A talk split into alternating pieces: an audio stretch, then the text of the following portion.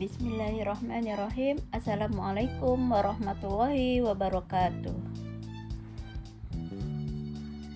Jumpa lagi dengan saya Dian Eliasari.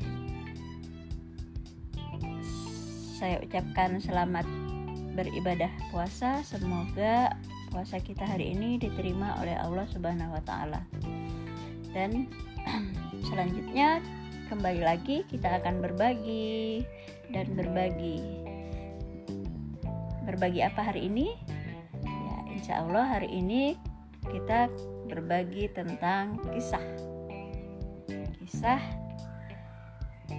tentang makhluk Allah yang bernama wanita atau emak-emak. Ya, jadi apa yang ada di benak kita ketika kita mendengar tentang emak-emak? Apakah sen kanan belok kiri atau wanita selalu benar kalau wanita salah kembali ke pasal 1 ya apa pun itu pembicaraan tentang wanita selalu menjadi hal yang menarik dan tidak akan pernah usai terutama yang berkaitan dengan pemberdayaan perempuan, gender, diskriminasi, keadilan, kesamaan hak, partisipasi, dan tuntutan-tuntutan lainnya yang menjadi tujuan yang ingin diraih oleh para pejuang gender.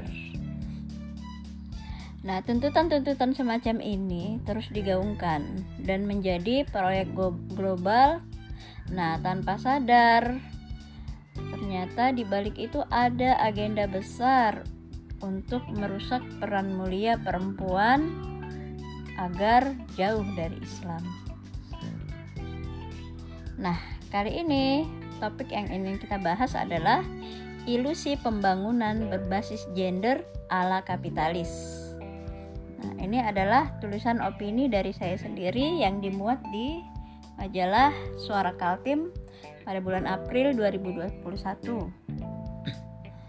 Ya, jadi isu gender menjadi salah satu poin dalam tujuan pembangunan berkelanjutan atau Sustainable Development Goals atau SDGs ya, yang lebih dikenal dengan SDGs.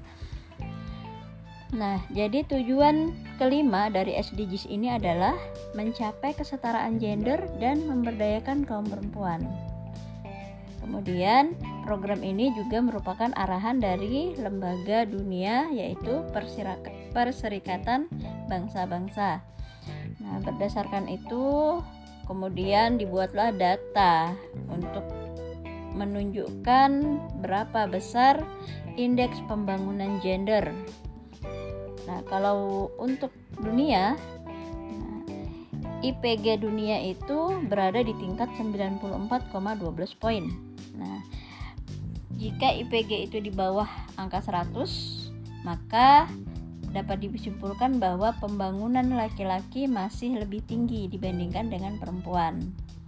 Nah, kalau IPG-nya sudah sampai 100 angkanya, maka itu uh, sudah rata ya antara laki-laki dan perempuan sudah seimbang porsinya di bidang pembangunan. Nah, bagaimana dengan Indonesia? Nah, setelah diukur, maka Indonesia itu mempunyai nilai IPG 93,22 poin. Ya, jadi nilai IPG Indonesia ini masih berada di bawah rata-rata nilai dunia. Maka dengan IPG yang kurang dari 100 ini Indonesia juga dinyatakan bahwa pembangunan perempuan partisipasinya dalam pembangunan masih jauh di bawah laki-laki. Kemudian dibuatlah cara bagaimana nih supaya perempuan ini juga berpartisipasi di dalam pembangunan, juga ikut berperan untuk meningkatkan pembangunan nasional. Ya, upaya itu dituangkan dalam RPJPN Indonesia 2025 dan 2005 da, sampai 2025. Nah, itu pem, pembangunan kesetaraan gender dan pemberdayaan perempuan menguraikan seperti apa langkah-langkah yang harus dilakukan agar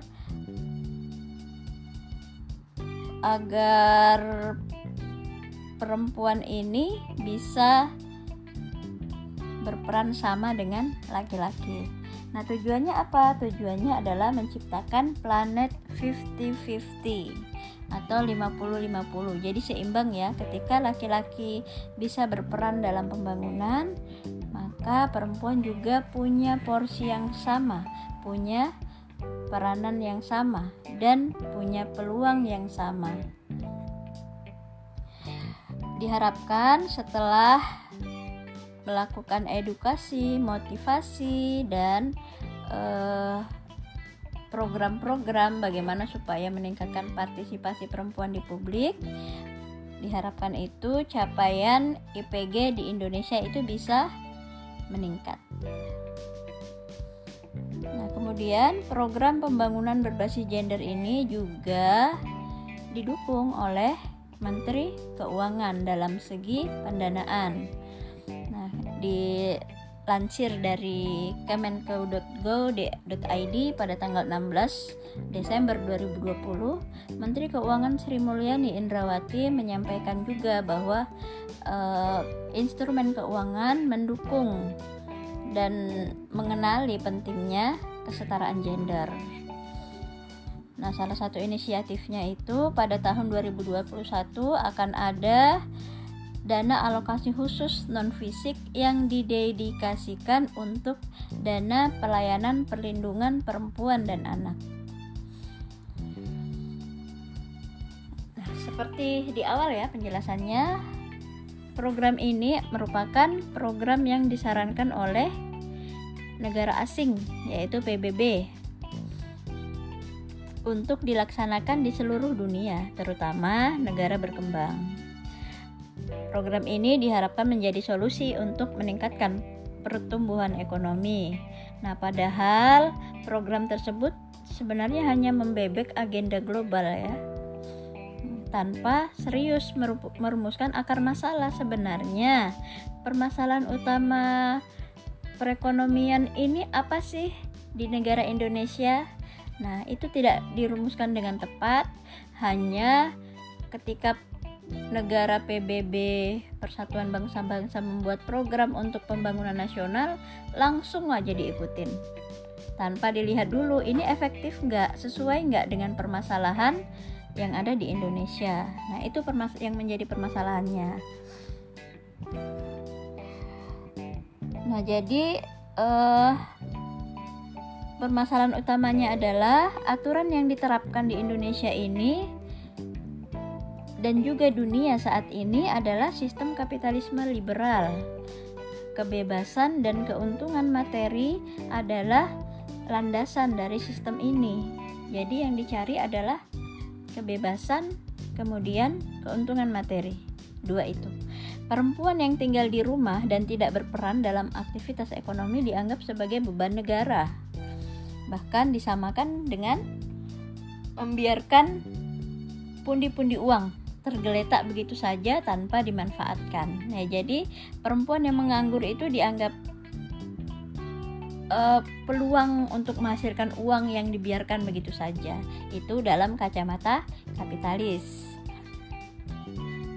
Nah, kemudian dengan atau tanpa disadari program ini sebenarnya seperti racun yang dibalik dibalut dengan madu seolah-olah mereka itu menawarkan solusi, seolah-olah mereka peduli dengan kondisi perempuan.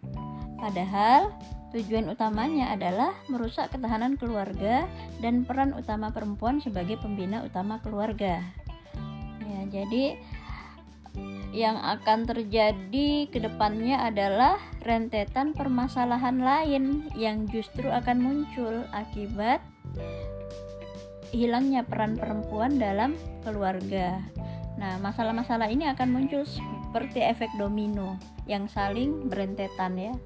contohnya KDRT anak terlantar terjerumus pergaulan bebas perceraian yang paling parah adalah rusaknya generasi penerus bangsa karena tidak semua perempuan bisa mengimbangi waktu antara membina anak dengan mengurus ekonomi ya jadi kemudian uh, solusi pembangunan berbasis gender ini justru merupakan usaha untuk mengatasi masalah dengan menimbulkan masalah baru dan masalah barunya ini justru lebih parah.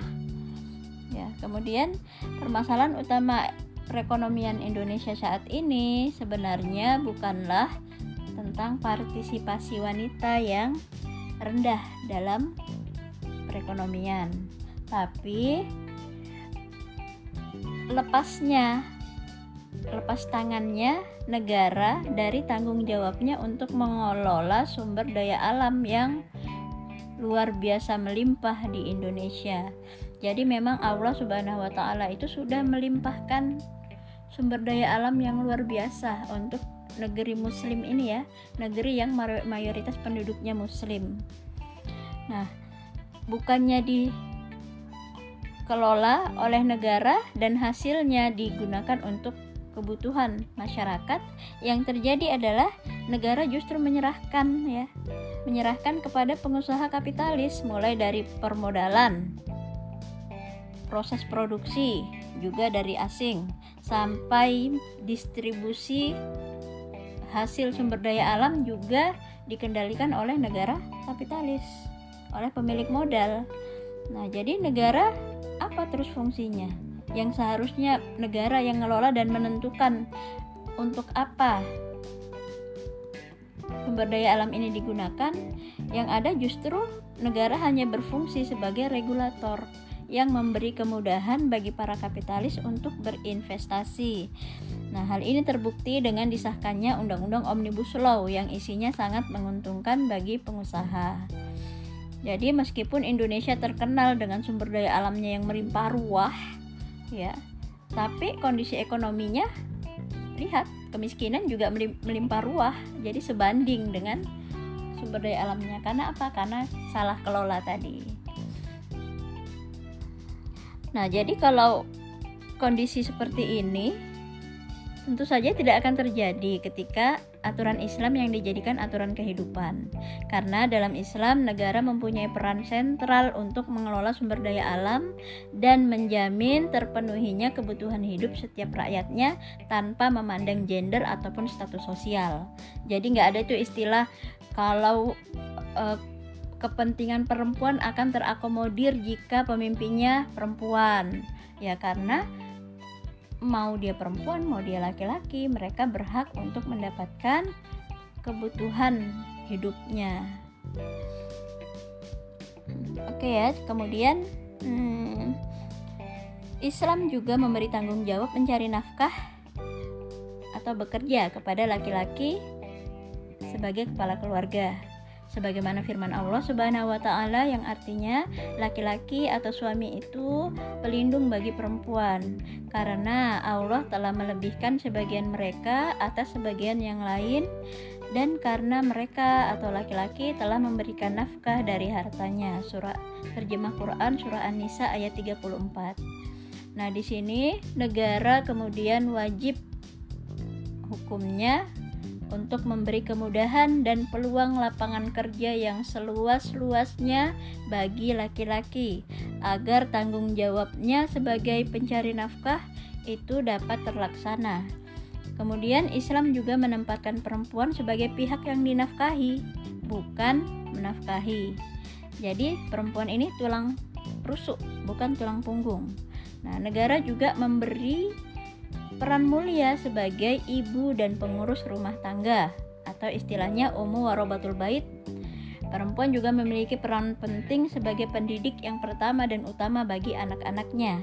Nah, kemudian ketika perempuan belum menikah, nafkahnya menjadi tanggung jawab orang tua dan kerabat laki-lakinya seperti kakek, om, saudara laki-laki yang punya kemampuan lebih. Nah, kemudian ketika sudah menikah, pemenuhan nafkahnya menjadi tanggung jawab suami. Jadi wanita bebas ya, ditanggung nafkahnya. Nah, bagaimana jika semuanya itu orang yang wajib menanggung nafkahnya perempuan ini tidak mampu?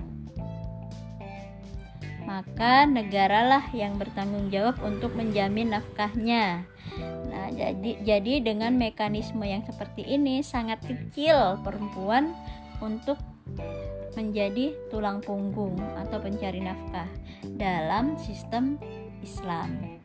Nah, meskipun demikian, Islam juga tidak melarang perempuan yang ingin membantu keluarga, orang tua, atau suaminya dalam mencari nafkah. Namun, uang hasil kerjanya itu menjadi haknya sepenuhnya. Dia mau belikan apa, dia mau gunakan untuk apa, itu terserah perempuan ini. Nah, namun apabila dia gunakan untuk membantu perekonomian keluarga, membantu menafkahi keluarga, maka itu dinilai sebagai sedekah. Subhanallah ya. Masya Allah. Nah, namun pekerjaannya juga harus sesuai dengan fitrahnya sebagai perempuan, tidak boleh yang berat-berat. Mendapat izin dari suami, kemudian lingkungan kerjanya aman, dan tidak melalaikan dari tugas utamanya yang disebutkan di atas tadi. Negara juga menjamin kebutuhan kolektif seperti pendidikan, kesehatan, keamanan secara gratis sehingga laki-laki itu hanya mencari nafkah untuk memenuhi kebutuhan sandang, papan dan pangan. Itu saja. Itu pun juga diberi kemudahan oleh negara.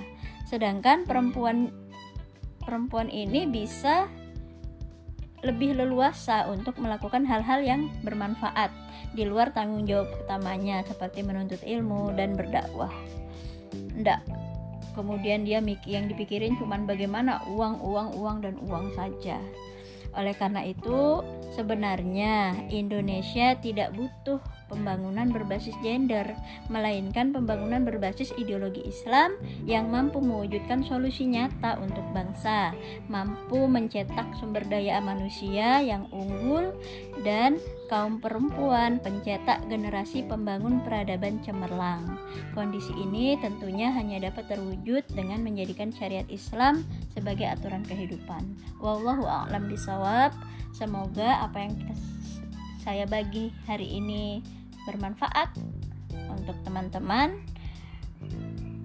Wassalamualaikum warahmatullahi wabarakatuh.